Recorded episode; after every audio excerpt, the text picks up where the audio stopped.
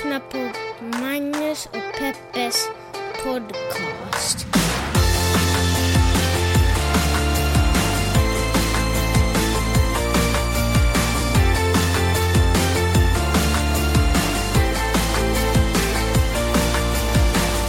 Där är ni ju underbara internetanvändare och här är ju vi underbara också internetanvändare. Hur är läget Peppe? Tack det är bra, Magnus.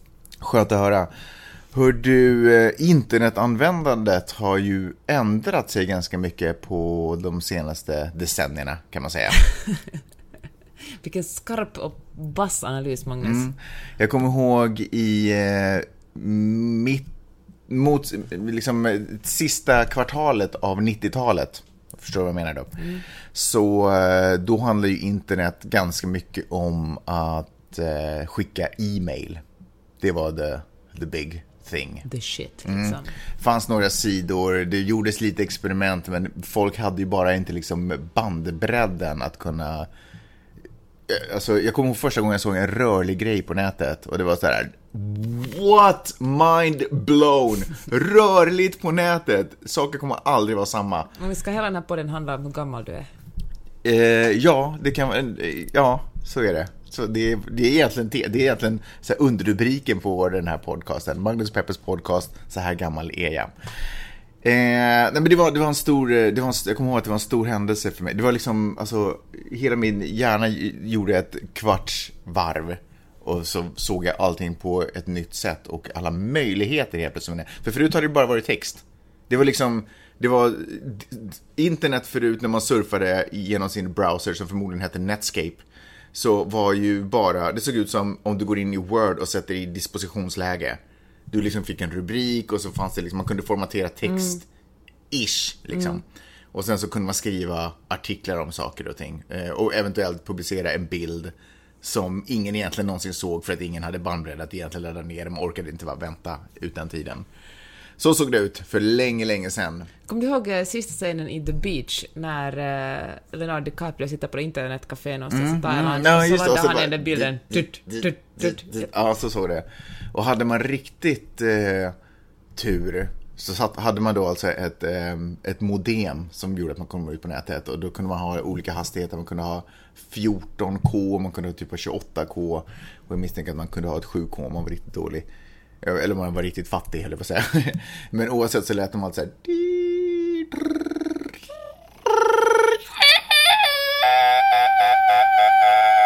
Sluta. Och så slutade det och så kunde man eventuellt se någon formaterad text. Oj, oj, oj. Vet du, Jag vet, tar du en poäng med den här jättelånga inledningen? mm, vet du vad man gör idag på nätet? Porrsurfar. Nej, idag så filmar man live när man skjuter ihjäl en annan människa. Hörde du talas om det? Ja, jag hörde. Han tog sitt Facebook. liv nu. Han gjorde det? Ja. Det gjorde han fan rätt i. Det, det gjorde han helt rätt i. Alltså, det, vad är det? Alltså, det har blivit, du vet det här fantastiska ögonblicket då man inser att oh shit, man kan ha rörliga bilder på nätet. Till att helt plötsligt så är man så desperat av uppmärksamhet eller vad det nu än var som drev den här personen till att göra något så här fruktansvärt. Att man plockar, alltså, alltså det, jag, jag finner inga ord. Jag finner inga ord att avsluta den här monologen. Ja, alltså, ja, jag vet inte vad jag ska säga. Jag har liksom hållit mig borta från att läsa desto mer, för jag tycker det är så obehagligt. Mm. Ja, varför, ja. Jag vet ingenting. Alltså, vem, vem sköt han? Varför sköt han? Han sköt en 70-årig man, han bara plockade ut någon på random så sköt han en 70-årig mannen som var en småbarnspappa till och med. Eh, alltså, ja. Barn som nu inte har en far för att han vill göra en Facebook live-grej. Alltså det är så sjukt.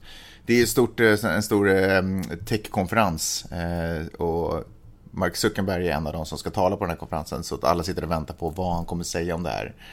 Eh, hur han kommer hur han kommer visa att Facebook tar ansvar för det här. För det som Facebook har fått kritik för är ju att den här videon inte plockades ner pronto. Liksom. Att det finns inget, att idag inte verkar finnas något, någon, ett skydd mot sådana här, mot såna här saker.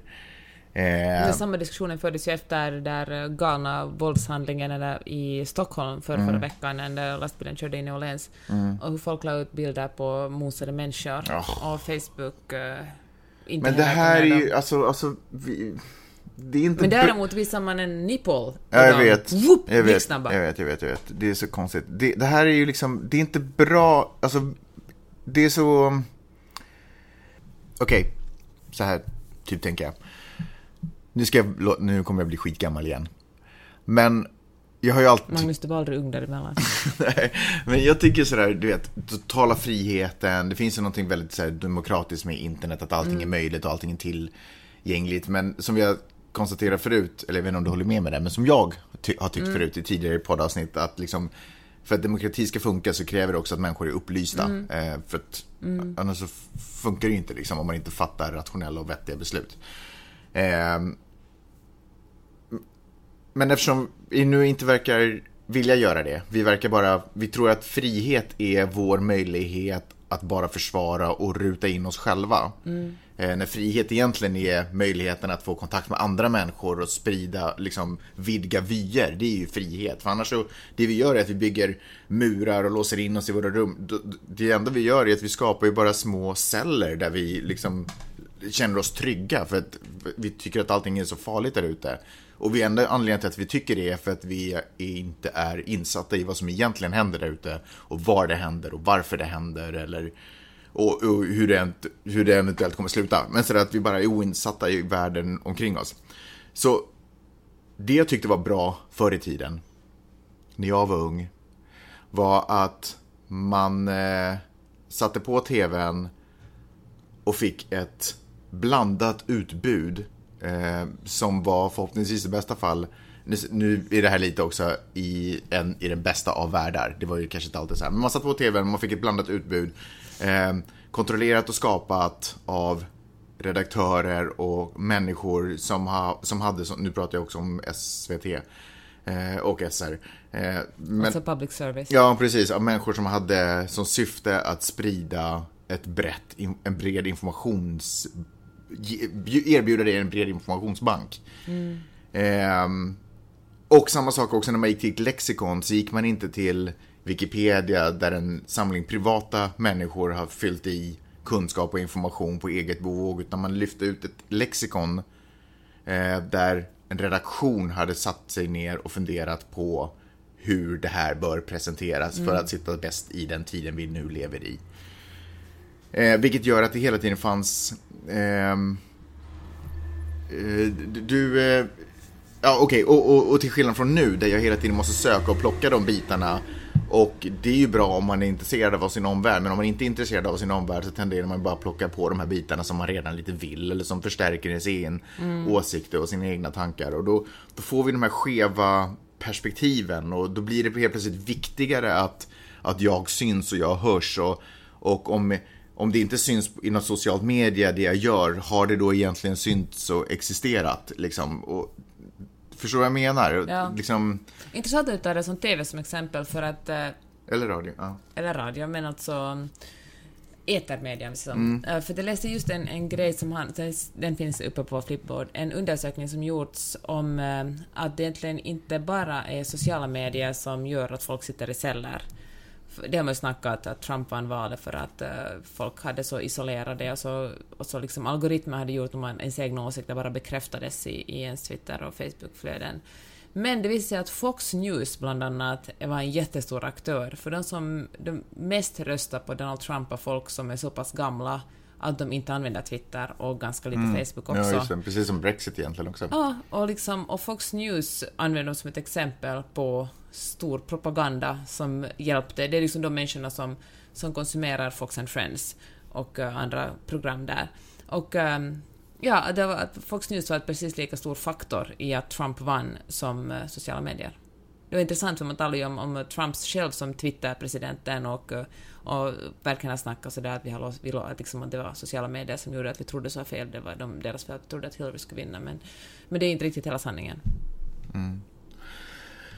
Ja, så ser, eh, så ser livet ut på sociala medier just nu. Men vänta lite, var alltså Ja. din slutsats att vi borde gå tillbaka till fysiska lexikon?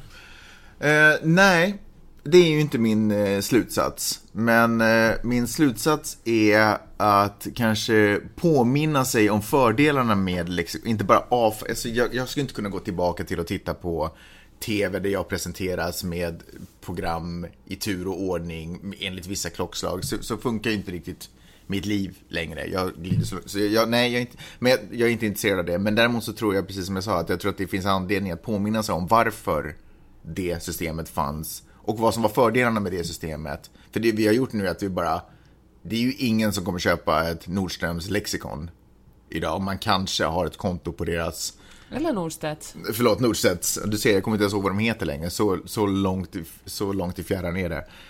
Ehm, och det är ju, det kanske inte, Wikipedia kanske inte är svaret. Förstår du vad jag menar? Mm. Wikipedia öppnade ju upp en ny, ett nytt sätt att göra saker och ting på som har sina fördelar, som inte är helt dumt. Men det traditionella lexikon gör är inte heller helt dumt. Jag tror att en, en mix där skulle vara mm. att önska. Och jag tror att det är det, förmodligen det vi kommer se om eh, någon gång i framtiden. För nu är vi ju alla inne Men i det här... Men inte just Wikipedias styrka det att det är en massa olika människor som kan gå in och korrigera och göra det rätt? Jo, det är exakt det som är, det som är styrkan. Eh, det som är de traditionella lexikonens styrka är ju att de har i lugn och ro, samma sak som mm. Saul, liksom. de har i lugn och ro övervägt hur mm. varje ämne ska presenteras. Så att det presenteras med en jämn standard, jämn nivå, fakta granskas med tidens verktyg. Liksom. Det är klart att lexikon, när man tittar, man behöver inte titta hemskt långt tillbaka i lexikon så ser man ju jätteunderliga definitioner av till exempel eh, rasyttringar, du vet, sådana där saker. Så det är klart att det finns ju saker som är problematiskt, men precis som med vetenskapen så har det funnits en tröghet i och de nya utgåvorna är ju alltid på något sätt bundna till tiden. Mm. Jag tycker att vi talar om två olika saker, liksom, de nuddar vid varandra, men jag tycker att vi talar om media och så talar vi liksom om, om faktaböcker eller faktaställen där man får liksom information på? Nej, jag tror jag pratar om, jag tror att den röda tråden är kontrollerat utbud. Mm. Eller övervakat och kontrollerat utbud. Mm. Av människor som har tagit ansvar för det här. För det är klart att Wikipedia har ju väldigt mycket artiklar som är bra, men vet jag vem som har ansvar bakom det? Det är klart att jag kan klicka på historik och se, jaha, det är den här användaren eventuellt. Men du vet, vem, det är ju ingen har ju ansvar egentligen riktigt mm. någonting. Facebook har, vi får väl se, vad säger han där då? Men Facebook, ingen har ju ansvar, de har ju lämnat över det till till användarna. Och det är klart, de har ju två miljarder användare, så jag fattar att det är problematiskt. Men de har ju lämnat över det till användarna mm. att ta ansvar för sitt redaktionell, att, redig, liksom att agera redaktörer. Förstår du vad jag menar? Jag förstår precis. Ja, så, så det är väl egentligen den röda tråden i det hela. Men kan en lösning vara att folk blir ännu aktivare på att anmäla opassande inlägg? Nej, för man kan inte, man kan inte man kan inte lämna det ansvaret till vanliga människor, för det kan inte vara vanliga människors uppgift att vara redaktörer också. Därför att de måste ägna sig åt att eh, laga rör eller, eller hålla koll på trafiken eller, eller dra ledningar eller rädda liv. Eller man kan Eftersom inte, det är så många Fast som... det är orättvist det är, det är orättvist och jag tror att det är en orimlig uppgift. Man kan inte vara 100% allting. För de, de, är, de är, samtidigt så är de föräldrar eller, eller syskon och samtidigt som de har ett jobb att sköta och sen så har de liksom, det, det, varför då? Men det är klart, om någon skriver en rasistisk Plus att kommentar det är en kunskap. så anmäler man det här som opassande och eh, det är ju, eller om någon lägger Ja, ut men om det bara är upp till sådär jag tycker och jag tycker och jag tycker. Jag säger gått... inte att Facebook inte ska ha ansvar, jag håller med om att de också måste, att de inte kan bara säga att vi är bara ett företag Nej, men... som har gjort en app och Problemet är att med den. ingen av de här instanserna kräver fakta ansvar för fakta, utan allting, det är ju precis som vi pratade om tidigare, som John Oliver också tog upp för en massa veckor sedan. Om Jamie att, Oliver. Nej, nej, nej, nej, nej. Eh, att, att fakta och tycke har blivit samma sak. Och, mm. och det, det, är inte samma sak. Men nu lever vi i den världen jag tycker att det här är provocerande. Jag tycker att det här är... Och ibland så överensstämmer de ju, det är de facto. Men, men utgångspunkten är inte vad är det här, utan utgångspunkten är vad, utgångspunkten är vad känner jag, vad tycker jag. Och det är inte Fast jag tycker fortfarande talar om två olika Nej. saker. Visst, om man liksom, det är ju fakta att en, en lastbil körde in i Åhléns och mosade människor, men för den sakens skull behöver man ju inte lägga ut bilder på de här personerna. Nej, men det är fakta att eh, att eh, bilderna, att, att eh, det är fakta att eh, det strider mot integritets, ett integritetstänk som vi borde ha i samhället och Men där är också, där är väldigt flytande. Vadå, vem bestämmer? Det är ju det Ja, är- men det här är just det. Det är ju därför, det är ju sånt som redaktörer kan. Redaktörer har ju, arbetar ju med det. det alltså, precis, det är det de kan. Precis som poliser kan avgöra när det är dags att dra vapen och när, och du vet, det är och hur man stoppar, skingrar massor och, och håller... Dåligt exempel i USA. Ja, jag vet, men i Norden, i Sverige. Alltså det är ju det, är det yrkesroller kan. Och därför så tycker jag att det är orättvist att lägga det ansvaret på en annan människa som har fullt upp i sitt eget liv med att ta hand om saker och ting. Att den också på något sätt ska försöka navigera i moral och etik kring vad som är lämpligt innehåll. Det enda de kan basera sina, eller jag, nej, vanliga människor. Det enda de kan basera sina... Vänta nu, inkluderar du dig själv eller Nej, inte nej, dig nej, själv? nej, inte mig själv. Eh, det enda de kan basera sina beslut på är ju naturligtvis en instinkt. Vad de känner. Och den instinkten är ju baserad på vad de har sett tidigare. Och, och, och vad de tycker och eventuellt också någon religiös liten filosofi där någonstans. Men framförallt så har, är den ju baserad på vad de har sett tidigare. Och problemet med saker de har sett tidigare är att man vänjer sig vid man har sett. Och det är ju det som gör att hela tiden ribban nu kan flyttas så här. Och den har ju alltid flyttats. Men nu flyttas den ju med stormsteg. För helt plötsligt har vi ett mord. Någon har ju nu tyckt i något skede att det här är vad jag vill publicera. Förstår vad jag menar? Ja, men håller med dig. Det är självklart att Facebook ska ta ner den videon. Jag läste en artikel som finns på vår Flipboard-sida som handlar om pedofilkultur. Man har ju snackat mycket om våldtäktskultur, hur liksom, som handlar om att, att eh, kvinnor blir lärda att undvika att bli våldtagna snarare än att män blir uppmanas att inte våldta. Pedofilkultur handlar om att vi lever i en kultur där, eh, där skönhetsidealet hos kvinnor är misstänkt lika barn. Alltså kvinnor, det finaste en, en kvinna kan vara är liksom renrakad från halsen neråt. Det blir allt vanliga, vanligare med ingrepp som man liksom förminskar sina blygdläppar och gör, gör allt tajtare där nere. Och eh, ja, man ska liksom se, o- ha perfekt hy, se liksom oskyldig och misstänkt lika. Är det här något som bara drabbar kvinnor eller är männen också indragna i den här äh, pedofilkulturen? Alltså ska män också föryngras och hålla sig... Nej, inte, alls på samma sätt, men däremot är de ju mycket tydligt indragna i den här pedofilkulturen eftersom, hela tid, eller eftersom eh, porrindustrin och reklam hela tiden eh, uppmanar, liksom lär en vad som är attraktivt. Liksom, så ingen människa är en ö. Man kan säga att jag händelsevis råkar nu bara tända på det här, men liksom, eh, jag tror att vi, vi påverkar, det är klart vi påverkas av liksom allt vi stöter på hela tiden och om alla reklamer liksom eh, vi ser på gatorna dagligen i en stad visar jättesmala kvinnor som är, som är jätte, jätteunga, som är kvinnor men på gränsen mellan barn och kvinnor, så liksom lär vi oss att tycka att så här ser en sexig kvinna ut, det är det här vi ska tycka att det är attraktivt. Du nämnde ju du nämnde våldtäktskultur och, och så pratar du nu om eh, pedofilkultur. Finns det något problem med att man håller på och pratar om att det skulle vara kulturer? Jag tror att folk inte förstår skillnaden, för de talar om våldtäktskultur Skillnad med vad då? Mellan våldtäktsmän och våldtäktskultur. Jag tror folk, när man Och talar samma om våld- sak pedofil och pedofilkultur. Precis, pedofilkultur betyder liksom inte att alla är pedofiler. Men i en pedofilkultur så lär vi oss att tycka att... Alltså vi sexualiserar barn, gör vi. Vi liksom tycker att det är liksom lite... Den, det skönhetsidealen som man ska falla för är misstänkliga barn. Det där är svårt för att i en bakteriekultur så är ju alla bakterier. Supersvårt, det här är en paradox. Nej, men det, Vill det du är tala inte, mer om det? Det är inte svårt, nej jag vill inte prata mer om det, men jag vill bara belysa att det är, det är ju svårt att inte dra kopplingen till att man skulle bli anklagad för att vara pedofil bara för att man råkar leva i det här samhället. Ja, för det är ju pedofili, liksom att förgripa sig på barn är ju det värsta som finns. Ja, är det, är det då, är det då liksom pedagogiskt och re- retoriskt vettigt att prata om pedofilkulturer? Eller kan man inte bara prata om, lyfta upp problematiken med, eller var, var, varför kan inte man bara, om man har något emot rakade kroppar, sluta raka sig? För att det, alltså jag menar, idealerna är starkare än så. Det så precis, jag läste faktiskt en, en, en eh, krönika på Studentbladet där skribenten Sandra Suominen tyckte att det här var helt töntigt.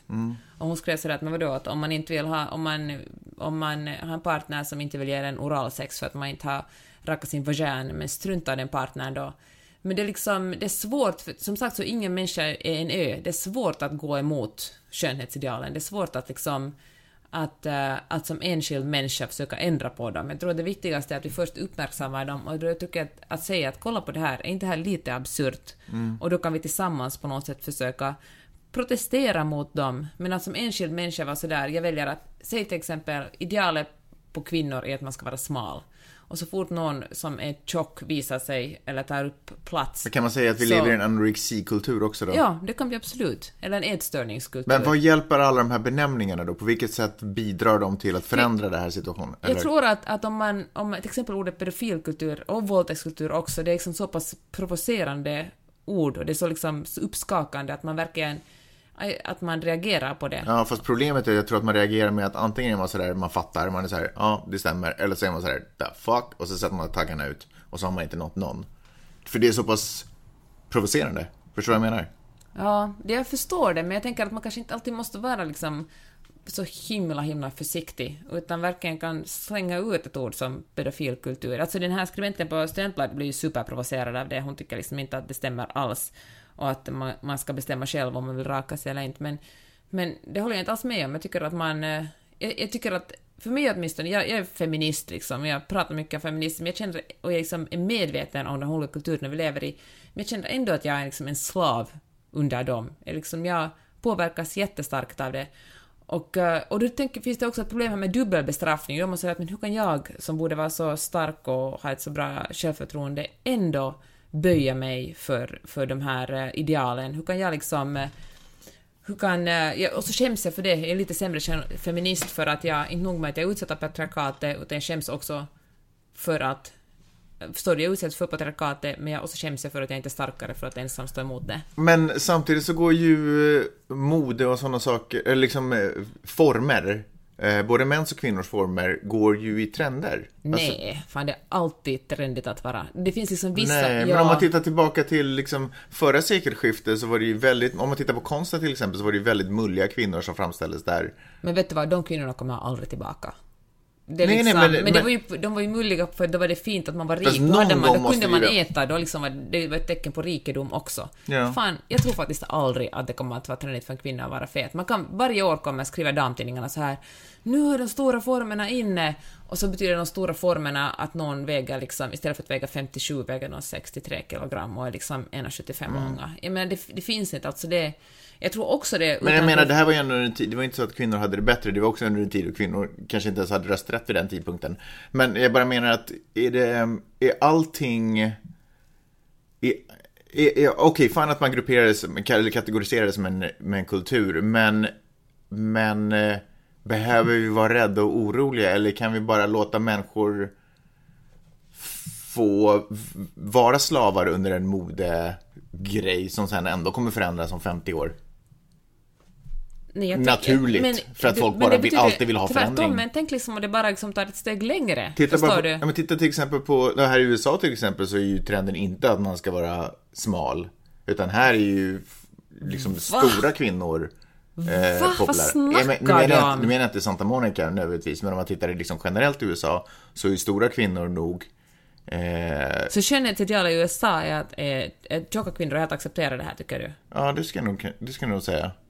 Generellt, alltså genomsnittligt i USA, det tror jag nog. Men alltså. Sen tror jag att modet skiljer sig från New York och LA mot liksom Middle America och sådär, men jag tror nog att det är mer accepterat. Det finns vara... kanske en rörelse som heter Body Positive som försöker eh, få fram och visa att alla kvinnor ska, ska, ska du, liksom man får se ut som man vill. Mm. Men här råder ju exakt samma. Kolla på vilken film som helst, kolla på vilken musikvideo som helst. Jag menar, folk är ju smala. Kolla på bilderna från Coachella nu till exempel. Jag menar... Trenden kring stora rumpor har ju ändrats också avsevärt de senaste. De är ju stora nu för tiden. Men det handlar ju inte om att vara överviktig, det handlar ju liksom om att ha jäkligt smal midja och stor rumpa och stora bröst. Jag menar, det har ju ingenting med... Det är ju också en, en, en kroppsform som praktiskt taget, så man måste verkligen jobba sig mm. hårt Men jag tror att min poäng är att saker och förändras. Så att säga naturligt. Nej, men det förändras inom en väldigt, inom, inom, inom väldigt snäva gränser. Ja, om alltså, du har en överblick på 20-30 år kanske, men om du tittar 50, på... 50-60 år. Jag menar, jag menar, Twiggy som på 60-talet började sätta det här normen för de riktigt, riktigt smala kropparna. Jag menar... Vad är Twiggy för något? Det var den här modellen som blev jättejättekänd, den mm. brittiska modellen som blev jättekänd på 60-talet. Hon var supersmal. Jag menar, att det skulle vara trendigt att vara tjock, nej. Alltså i vissa subkulturer kanske, men i mainstream är det viktigt att vara smal. Ung och smal. Och gärna blond, det ska vi tala mer om just. Mm, mainstream västvärld kanske, då? Eller? Ja, fast med internet så är ju allt liksom västvärld snart. Alltså det finns ju, det är ju en och samma kultur som går. Jag menar om du kollar, om du, var som helst i Asien finns det ju, jag vet inte om det finns, jag kan inte säga, Asien är ju jättestort, men jag kan liksom inte påstå att man ska vara, att det är okej okay att vara tjock i Thailand eller Kina eller Japan eller Korea heller. Mm, nej, jag vet faktiskt Jag tror det handlar liksom bara om att kontrollera kvinnors kroppar. Och jag läste, här ska jag inte tala om mellan raden, den här boken, men jag läste en bok som handlar om, om porr och ungdomars eh, Eftersom porr är så tillgängligt, den första barngenerationen som växer upp nu har porr tillgängligt. Liksom när vi var små så kunde man ta en promenad i skogen och hitta porrtidningar. Mm. Men det var liksom helt Det var annan... egentligen enda anledningen till att man var ute i skogen. Att ta en promenad. Men nu, det som liksom eh, barn, barn så som 9-10-åringar som surfar på, oftast tydligen på skolans datorer men också på sina telefoner, får de jättegrova, kan de säga jätte, jättegrova porrfilmer. Och liksom och hur kvinnorna ser ut där och hur männen, hur, hur, liksom, hur par som har sex visas blir deras norm. Och jag tror också att det är ett, ett jättestort problem. Det är liksom kanske en lite annan diskussion än det här, men det handlar också om hur kvinnan ska se ut. Mm. Ja, så att uh, jag tycker inte att, att uh, pedofilkultur är ett, ett, för att nu knyta ihop den här diskussionen, är ett helt fel använt begrepp. Nej, men frågan är bara hur, vi ska, hur det begreppet hjälper oss att tackla problemet. Kanske genom att börja med att uppmärksamma det. För när jag började tala om det här var du säger att jo, alla vet det där än, men liksom kanske det behövs en wake-up call med någonting som heter pedofilkultur för att vi ska kunna komma vidare. Mm. För, för det du säger, det har vi talat om hundra gånger, hur liksom kvinnliga skönhetsideal är att man ska vara på ett visst sätt. Vad har det blivit värre, liksom? Ja, till exempel att, att man opererar sina blygdläppar blir allt vanligare. Liksom allt sånt normaliseras, förstår du? När våra föräldrar var unga så kom det inte på tanken, de som höll ingen på att raka sig. Det var liksom jättekonstigt att inte ha hår liksom på sin Jag har ingen aning om vad mina föräldrar höll på med. Men, men eh, thanks for sharing. Men, jag har faktiskt talat med dem om det här. Ja. Nej, det har jag faktiskt inte. Men, eh, men, men liksom nu är det ju, jag menar om du går, och, om du går på stan och ber folk lyfta sina armar, är ju alla rakade under armarna. Mm. Och säkert en, om du går liksom på en, om du går på the Korean, okej okay, om du går på, i simhall och spa finns det ju liksom buskar av olika former, men unga kvinnor är väldigt ofta också rakade. Mm, men givet att det är lite av en subkultur och kanske mer åt feminister tenderar att göra det, att, lämna, att inte raka armhålorna nu för tiden, så är ju då nog mer människor med orakade armhålor ute på stadens gator idag än det till exempel var säkert på 80-talet. Så det är ju väl en... Va? Det tror jag inte alls. Tror du inte? Eller när, när, kom, när, nej, när kom den stora raktrenden? du bara killgissa här. När kom den stora raktrenden? Var det 90-talet eller? Det var Gillette som bestämde sig för att nu fan ska vi sälja rakhyvlar som fan. Ja. Och det måste vara någon gång på början på 90-talet. Så det var inte porrindustrin, det var Gillette? Ja, och porrindustrin. För porren blev ju tillgänglig. Men det var liksom, porrindustrin blev ju liksom en, en gör ju så otroligt mycket pengar. Jag menar, mm. porrin, det liksom, inte, det var ju glad porr liksom. Men du är, säker på att det, du är säker på att det inte var liksom simföreningar eller någonting som drog igång den där fruktansvärda trenden med att raka sig? ja, nej men eh, jag hör vad du säger, men det, det är kanske, ja. Men det där också, jag tycker som, kanske min poäng här som rör sig ganska långt nu från bara ordet populärkultur eller pedofilkultur är att äh, när man är sådär att men jag påverkas inte av det här, mm. eller som den här personen, som, den här Sandra Suominen som skriver i, i, i Studentbladet som, alltså, ja, sorry nu men att det är liksom kanske naivt att säga att man inte på, att, att man säger att men det är mitt eget val att raka eller inte raka benen, ah, fan om folk tycker att du är superäcklig för att du inte rakar benen, så då kanske du väljer att raka dem istället. Mm, det är sant. Jag tänker så här på, du klipper ju pentricken med Cissi Wallin och, och Lady Damer. Mm. Jag menar, Lady Damer är tjock och rakar sig inte hon får så extremt mycket hat. Mm. Folk är så otroligt provocerande. Det är en annan sak varför folk håller på att hata med andra människors val. Speciellt när vi alla ska leva i det här citat eh, fria samhället. Liksom, det är ju Men då tänker man så här, då väljer man, det är ju jätte, hon är ju som en väldigt stark person som orkar stå emot det här. Jag fattar, jag fattar, jag fattar. Jag skulle, jag vet, jag, jag uh, håller med dig. Jag, jag fattar vad du pratar om. Men jag skulle också vilja flika in, bara en sån här liten tanke. Att bara för att saker och ting korrelerar med fenomen som till exempel pedofili så betyder det inte att det är ursprunget ur samma kärna. Till exempel, den här rakningen behöver inte nödvändigtvis vara, ur, vara sprunget ur eh, andra, eller mäns eh, önskan om att kvinnor ska se ut som flickor. Just rakningsgrejen behöver inte nödvändigtvis vara det. Eh, förstår vad jag menar? Att bara för att, det, bara för att unga flickor är hårlösa betyder inte att rakningen är ett sätt att uppnå status av en ung flicka. Utan... Nej men det kan bara, det kan vara, en, precis som du sa, Gillette. Det är bara, vi är bara offer för en marknadsföring, inte för en, en dröm om att få vara med barn. Nej, men nej, det tror jag inte heller. Det kanske inte är- handlar om att... Nej, men och då det är pedofilikulturen Nej, men vi fel. lär, nej, men det kanske blir ett, en också inlärt... Jag tror att pedofil, pedofili- pedofilkultur handlar om att liksom lära oss att det... Att vi liksom, vi lär oss att, att ju yngre desto finare. Att det som barn... Jo, som, men om, om själva rakningsgrejen inte handlar om att se yngre ut. Utan det är Ah. en känsla. Det, det handlar inte om att ja, men det, det kan vara så. Vad tycker ni som lyssnar? Jag vill att ni kommenterar på Facebooken. Ja, så länge ni håller med På mig. Facebooken. Hej! Har du frågor och kommentarer så kan du mejla min mamma och pappa på Magnus och Peppe snabel A, gmail.com. Gör det!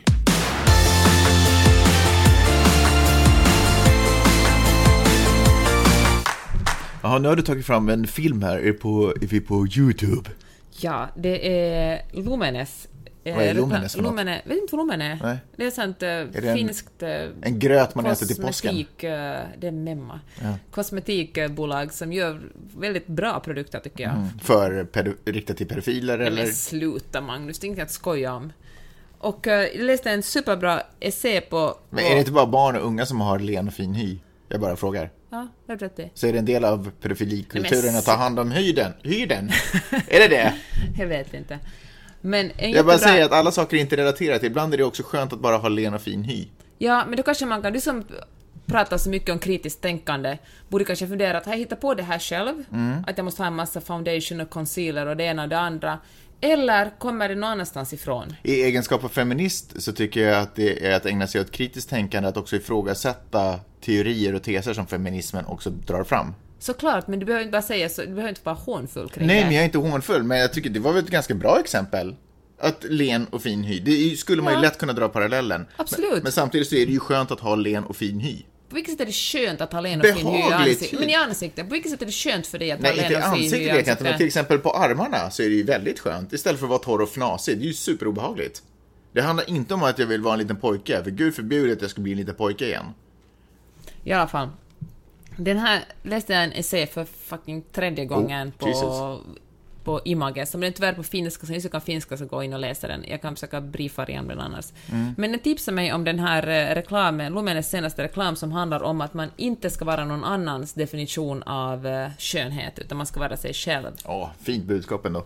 Och eh, nu tänkte jag, ni får gå och kolla på den själva, men inte snacka dig igenom den. Det låter lite som den där Pepsi-grejen om jag ska vara helt Ja, ärlig. vi är ute på väldigt tunn is nu. Ja.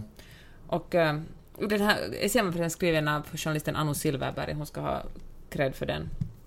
Okej, vi börjar med att vakna, det är en jätteblond och ljuslig kvinna som, som vaknar i ett helt vitt rum. Och så visas det en ännu blondare kvinna, hon går alltid ljust och fint.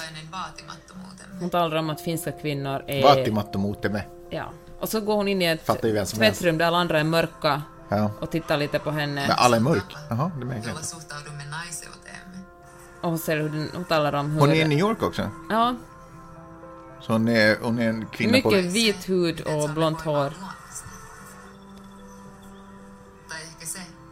Allt är vitt kotimaamme. överallt. Hon är ett vitt... Hon ligger i ett isbad. Ja.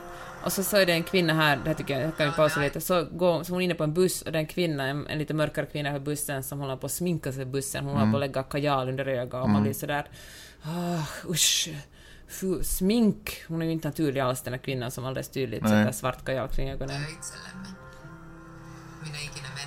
Alla andra är mörka på den här bussen utom hon, hon liksom... Nej, Men när du säger mörk så är de ju inte svart, de är inte människor av färg. Nej, det finns ju också sådana, men det är som Ja, en indisk det kvinna som sitter där och det liksom var lite brunett där. och ja, så. men det är som en kontrast till att hon är verkligen extremt ljus i hyn och Mm. extremt ljus blont hår och, mellan alla, och vitt klädd också, men alla andra är mörkare. Mm. Och sen är deras eh, tagline “Don't be, somebody else's, Don't be someone else's idea of beautiful”. I den här essän så hade någon annan skrivit “Be Hitlers idea of beautiful”. ja. det var ju kanske lite att ta i. Men eh, Finnish Beauties Lumene. Ja. Och, och, ska vi diskutera det här nu? Nej, men Får jag säga en sak? Ja. Eh, I Finland så är de flesta superblonda, så det är inte konstigt att huvud... det var nu koko det. Nu är väl de flesta superblonda i Finland väldigt ljus. Va? De flesta superblonda? Nej, men, nej, förlåt. Men de flesta, har, de flesta har väldigt vit hy i Finland. Nej. Jo. Nej. Ett väldigt, ett typiskt finskt utseende är väldigt vit hy. Jo. Nej. Jo. Jo, ganska färglös faktiskt. Jo, det stämmer. Okej, ja, fortsätt då. Vad är din teori? Ja, då tänker jag att då är det inte konstigt att man har valt att huvudpersonen i den här reklamfilmen är någon som, som den betraktaren kan känna igen sig i. Ingen människa ser ut som den här kvinnan i, förutom just den här kvinnan. Väldigt många finländare ser ut ungefär sådär. Naturligtvis inte lika vacker hy och lika liksom modellig som just hon råkar vara. Jag bara säger att det är inte konstigt att man har valt eh, i reklamfilmen eh, huvudpersonen som kan appellera till de flesta tittarna. Fast det här är ju det klassiska. Och sen så att de andra då naturligtvis är brunetter är ju för att man vill naturligtvis skapa kontrasten. Jag tror att om, om Finland hade varit ett folk med, äh, finländare hade varit folk av eh, mörkare natur så tror jag att alla på den där bussen hade varit superbleka. Skämtar du? Nej, vadå då? Varför är det Va, ett tror du roligt? det? Varför Jag tänker du att det är ett roligt skämt? Men tänk dig man läser, när man reser omkring i, i liksom, att man är ja, i Thailand eller Korea eller Vietnam och så går man i supermarket, där finns det ju liksom medel för att bleka sin hy där. Det är ju inte sådär att, ah, vi är nu, att här, på ställen där folk är mörka, så är mörka det idealet. Det ljusa är ju alltid idealet. Ja, okej, Var det- man det- än är i världen. det och kan- om man frågar liksom barn som är, Ja, som, jo men det är sant. Jo men det på så sätt. som det, själv har mörk hud, för frågar man den här Jo, vita personen har fair mörka enough. färg, vem tror Fair du är liksom Så god den och här reklamen hade förmodligen sett ut så här vad man än hade gjort den i världen. Exakt. Men jag tycker inte att och den är hon var ju konst... New York dessutom. Men jag tycker inte att den är konst... Det är konstigt att den görs för en finsk publik sådär. Men den är ju på engelska. Beauty Born of Light. Det är ju inte en finsk. Alltså jag menar, den är ju, det är ju bara... Men eh, den, du Don't tror inte att den... Men du tror inte att den görs på engelska bara för att finnarna ska tycka att den är coolare och köpa konceptet mer? Eller tror du att den sänds internationellt? Så måste det ju vara. Ja. Ja, och då tänker jag så här, det är liksom... eh, Eller, ja, det, jag tycker det var superspännande. Jag tycker nog det här är liksom på gränsen, kanske Vad hade du för tankar om? Ah, nej, jag tyckte bara att det var så... Avbröt jag dig medan du höll på att berätta det? Herregud. Kan du, kan du prata en stund då? Nej, säg. Berätta vad du tyckte om det. Nej, Det är jag, spontant. Spontant tyckte jag att, eh, att det var spännande att, eh, eller inte spännande utan fan så jävla typiskt och ogenomtänkt att man gör en reklam där det blonda, ljusa, innan stationstecken naturliga ska säljas. För det så är det ju liksom i, för kvinnor. Man ska köpa massa produkter för att se så naturlig ut som möjligt. Och det här, liksom, det här hatet, inte hatet, men liksom det här, man ska titta nedsättande på folk som sminkar sig på bussen eller som, har, som är tydligt sminkade. Och det, man kan ju snacka att hon var ju väldigt lagad. Hon var ju väldigt, liksom, det är fult att vara väldigt, Men att ha ju- Mm. ansträngt sig för att se snygg ut. Men, eh, men när folk som ser naturliga ut kanske har ansträngt sig Men, hundra gånger men, det, men Peppe, det är ju inte en informationsfilm, det är ju en reklamfilm. Ja, men du tycker inte att reklam påverkar oss på något sätt? Jo, du det menar klart. att det som verkligen påverkar oss är informationsfilmer, då har vi sett jaha, så här är det verkligen. Finns det fortfarande informationsfilmer? Exakt min poäng. Exakt en annan sak som var bättre förr, det fanns informationsfilmer. Men herregud, nu får du lägga ner. Nej men jag bara, men jag bara, jag bara tänker att det alltså, jag förstår att det är ju, eh, det är ju smutsigt att reklam ser ut på det här sättet. Reklam som sådan finns ju många anledningar att tycka kan vara smutsig. Men, eh, men det är klart, man kan också göra reklam på stilfullt och ett bra sätt. Och nu har de kanske inte valt det bästa, men jag tycker att det finns så mycket att uppröra sig om i världen att jag tycker inte att det här ens kommer på min topp 10.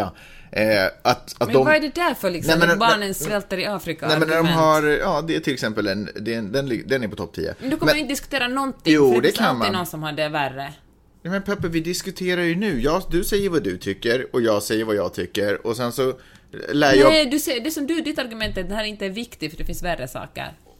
Jag ger de bästa argumenten som jag har spontant efter att titta på det här och sen samtidigt så lyssnar jag på vad du säger och sen efter när vi har pratat klart om det här så sätter jag mig ner och funderar och så bara, ja, det hade hon ju bra point. Nästa gång jag ser den här kommer jag kanske eventuellt se den på ett annorlunda sätt.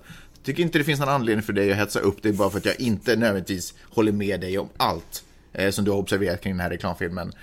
Eh, nu handlar ju budskapet om att man ska smörja in sig med salva eh, istället, istället för att man ska, var det inte det? Ja, men det var så gulligt. Du Ja. det är verkligen...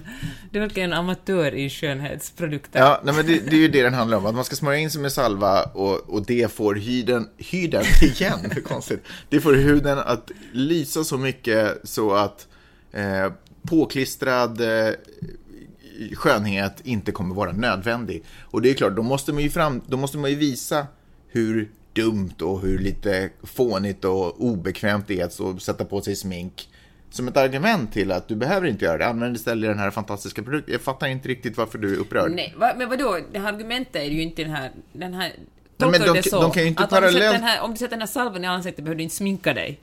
Nej men det är väl så, det, det är väl det de försöker säga.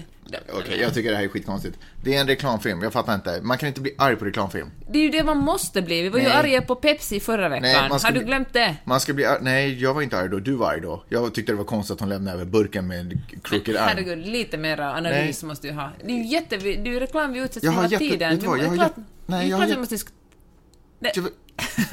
Nej, men jag har jättesvårt att bli arg på reklamfilm. Det är ju jätteviktigt att du blir arg på reklamfilm. Men det är som att, det är som att liksom, för mig är det ungefär som att Satan går omkring på stadens gator och säger oförskämda saker till folk och folk blir arga för att han säger... Ja. Det, det är ju hans Stick. jobb. Han är Satan. Ja, men då kan vi förgöra honom. Ja, men Förgör konceptet i reklamfilm, gör det. Men vad fan, du håller, det är du som håller på och pratar i den här podden om är att hur mycket konsumenterna har makt. Men sluta med de där härskarteknikerna. Jag tycker att det jag såg större- den där handen som... Ja, du är uppe här, jag behöver dig ungefär här nere. Jag tycker det finns större anledningar, för det här är reklam, återigen reklam. Plus, du som Vänta, alltid- ta det rasism lugnt. är ju så viktigt för Jesus. dig. Ja, det är för det är verkliga saker. Eh, och- och det, det är klart att jag kan hitta en, en rasism där och det, det, tycker jag, inte- det tänker jag inte sätta min OK-stämpel på. Men jag tycker det är mer problematiskt när människor som ägnar sig åt information, till exempel journalister på public service. Du hade ett exempel, ett jättebra exempel på där en journalist skrev någon kompisartikel till sin polare, eh, musikern liksom i Kjell Finland. Ekholm och ja, Roström. Men det, det är skit. För det är, det är ett reklamutrymme som är in, program, intryckt i public service. Men Magnus, Eller man kan ha två tankar i huvudet samtidigt. Det finns liksom inte bara ett sätt. Att, Nej, det, det finns det finns inte bara en sak att vara arg på. Nej, det stämmer. Det stämmer. Ja, förlåt, du får ursäkta mig, men jag blir inte superupprörd när reklamfilm gör förkastliga saker. Jag, jag tycker att det är liksom... Men jag tycker det är viktigt att vi diskuterar dem i den här podden, därför vi har den här podden. Eh, Ja, bra att du berättar, för jag börjar fundera på varför vi egentligen har den här podden, för det är tydligen bara din åsikt som är liksom den riktiga här. Nu har det pratat så länge om den här dumma reklamfilmen att eh, jag knappt hinner prata om det jag ville prata om i dagens sändning. Men jag tänker ändå ta mig tillfälle. Det får kanske bli lite län- längre sändning den här veckan. Vad säger du om det? Känner du till en, eh, en person som heter Alex Jones? Nej. Om du lyssnar på den här rösten så kanske du känner igen det. The truth is, ladies and gentlemen, we're the opposite of fake news. We're real. But we are passionate. We wear our bias to tell the truth on our sleeves. And we do it through hard news reporting. We do it through punditry, analysis. Uh, I've done it through satire and comedy and dressing up like the Joker. Det här är alltså uh, Alex Jones och han har den här kanalen uh, Infowars, en sån här konspirations, väldigt konservativ eh, konspirations channel på YouTube. Han befinner sig just nu i en vårdnadstvist med sin hustru eh, och eh, för att hon tycker att han inte är så bra förebild för barnen. För att han tar med dem till exempel i showen och så måste de, eller måste, och så sitter Hur gamla är de då? Nå, den ena, ena pojken som är egentligen den enda som jag har sett skulle vara med, han var med första gången när han var 12 år. Eh, ganska ung ålder. Det kan man tycka man vad, vad man vill om. Eh, och han har ju otroligt, otroligt, otroligt mycket, eh, många tittare. Han har eh, mer än två miljoner prenumeranter och hans videoklipp har setts över en miljard gånger över det. Eh, det som är intressant nu är ju att han, precis som vi hörde här i klippet, så bara, "Ja, vi är så här, vi är the real news, bla bla och allt det där. Eh, är att hans, ehm, hans advokat säger så här, att man inte ska ta honom för hans, man ska inte liksom, man ska inte, ehm, tro, eller man ska inte ta hans ord för vad de är. Lite nästan också som man pratar om eh, folk som försvarar Trump. Att sådär, ja, men det handlar inte så mycket om vad han säger. Ibland säger han lite tokiga saker, det handlar mer om andemeningen. Men, men den här ad- advokaten till eh, Alex Jones går, går längre. Eh, han säger så här. Alex Jones is playing a character and is a performance artist. Och det här betyder ju att det är fake. Ja, det här. faktiskt. Så hans... Jag vet inte om det här är en sån här... Eh, ett försvars mungo jumbo bara för att liksom behålla custody-grejen. Men det är ju ganska problematiskt om en person med så stort inflytande som dessutom eh, allmänt känt att Donald Trump lyssnar på. Donald Trump har till och med tweetat saker som den här snubben har sagt i sin kanal typ dagen innan eller samma dag eller liknande sådär. Så sjukt, att han har alltså. tagit hans, att Donald Trump har tagit Alex Jones ord för fakta och presenterat det och sen, vad fan han... Du menar att han påverkar till och med USAs president Ja, ja med precis. sina ord? Han, han stoltserar ju med att han har Donald Trumps öra. Liksom. Eh, och eh, om, om, om det i den här rättsprocessen framkommer att hans, att han liksom, att det här inte är på riktigt och att det här är fake, då tycker jag att det så tydligt visar problemet med internet, återigen, och när folk eh, när man ska försöka, när man tvingas vara sina egna redaktörer.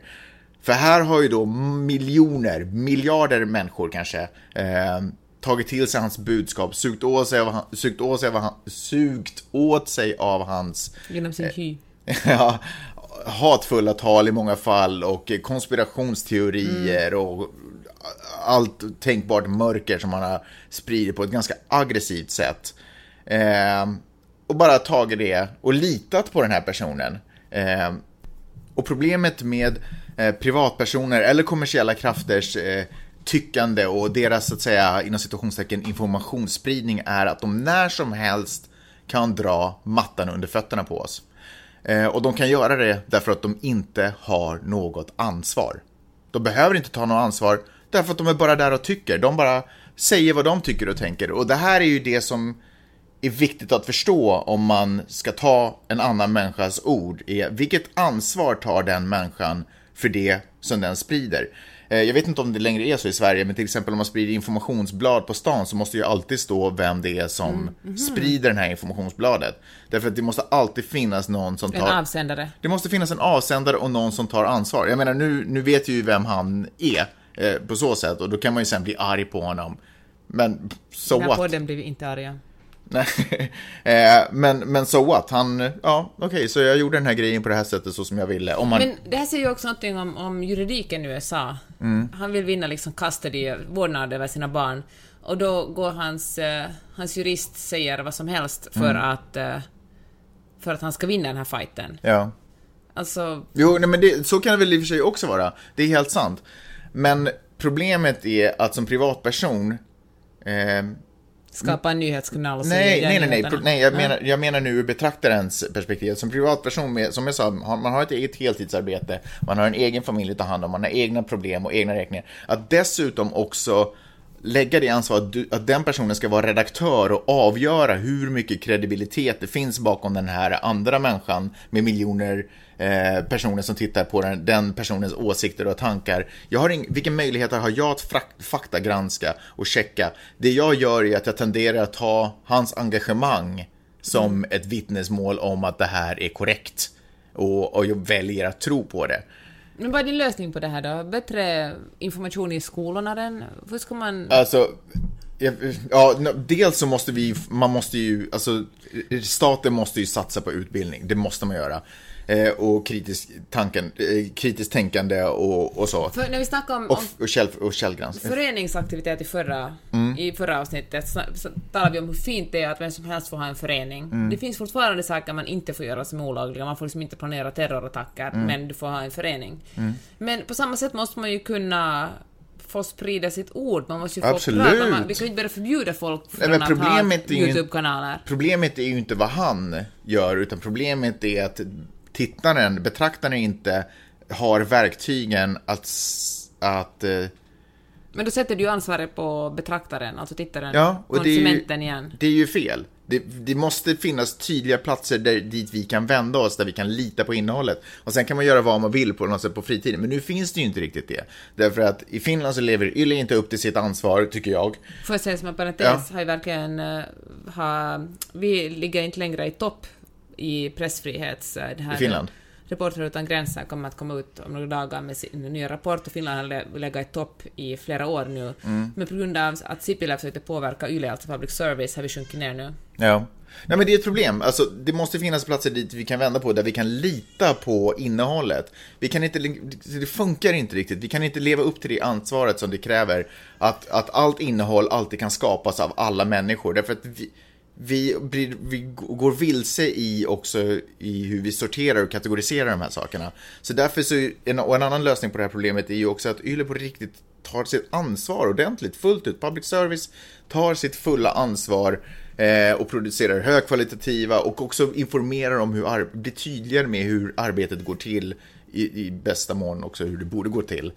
Eh, så att, så att man börjar skapa de här platserna där folk kan, för jag tror att det är ett problem som folk har, att folk inte litar på Eh, på den information. De vet inte riktigt vem de ska lita på, så de kan lika väl lyssna på någonting som de själva lite tror på från början. Och gå på de här instinkterna. Ja, förlåt. Förlåt för min rant. Men fattar du vad jag menar? Ja, ja. Bra. Nu vaknar vår dotter där borta. Det betyder att eh, det är dags att klappa ihop den här lilla kiosken.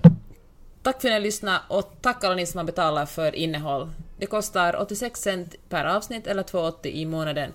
På min blogg snötemma.com finns det en högerbalk och där finns en, en Paypal-plupp som man kan trycka på så betala för ett eller hur många avsnitt man vill. Ni som är Det finns de facto som... två Paypal-pluppar. En som man kan prenumerera och en som man Visste kan... jag att du skulle vara bäst Nej, men jag ville bara... Nej, inte bäst. Jag vill bara sprida Ja, information. man kan också prenumerera. Och det uppmuntrar vi Prenumerera? såklart. Då blir det pick lite billigare. Och eh, ni som inte har råd att betala 86 cent för ett avsnitt får skall gå in på iTunes, ge oss stjärnor och lite recension för det gör algoritmerna så att fler hittar vår podcast.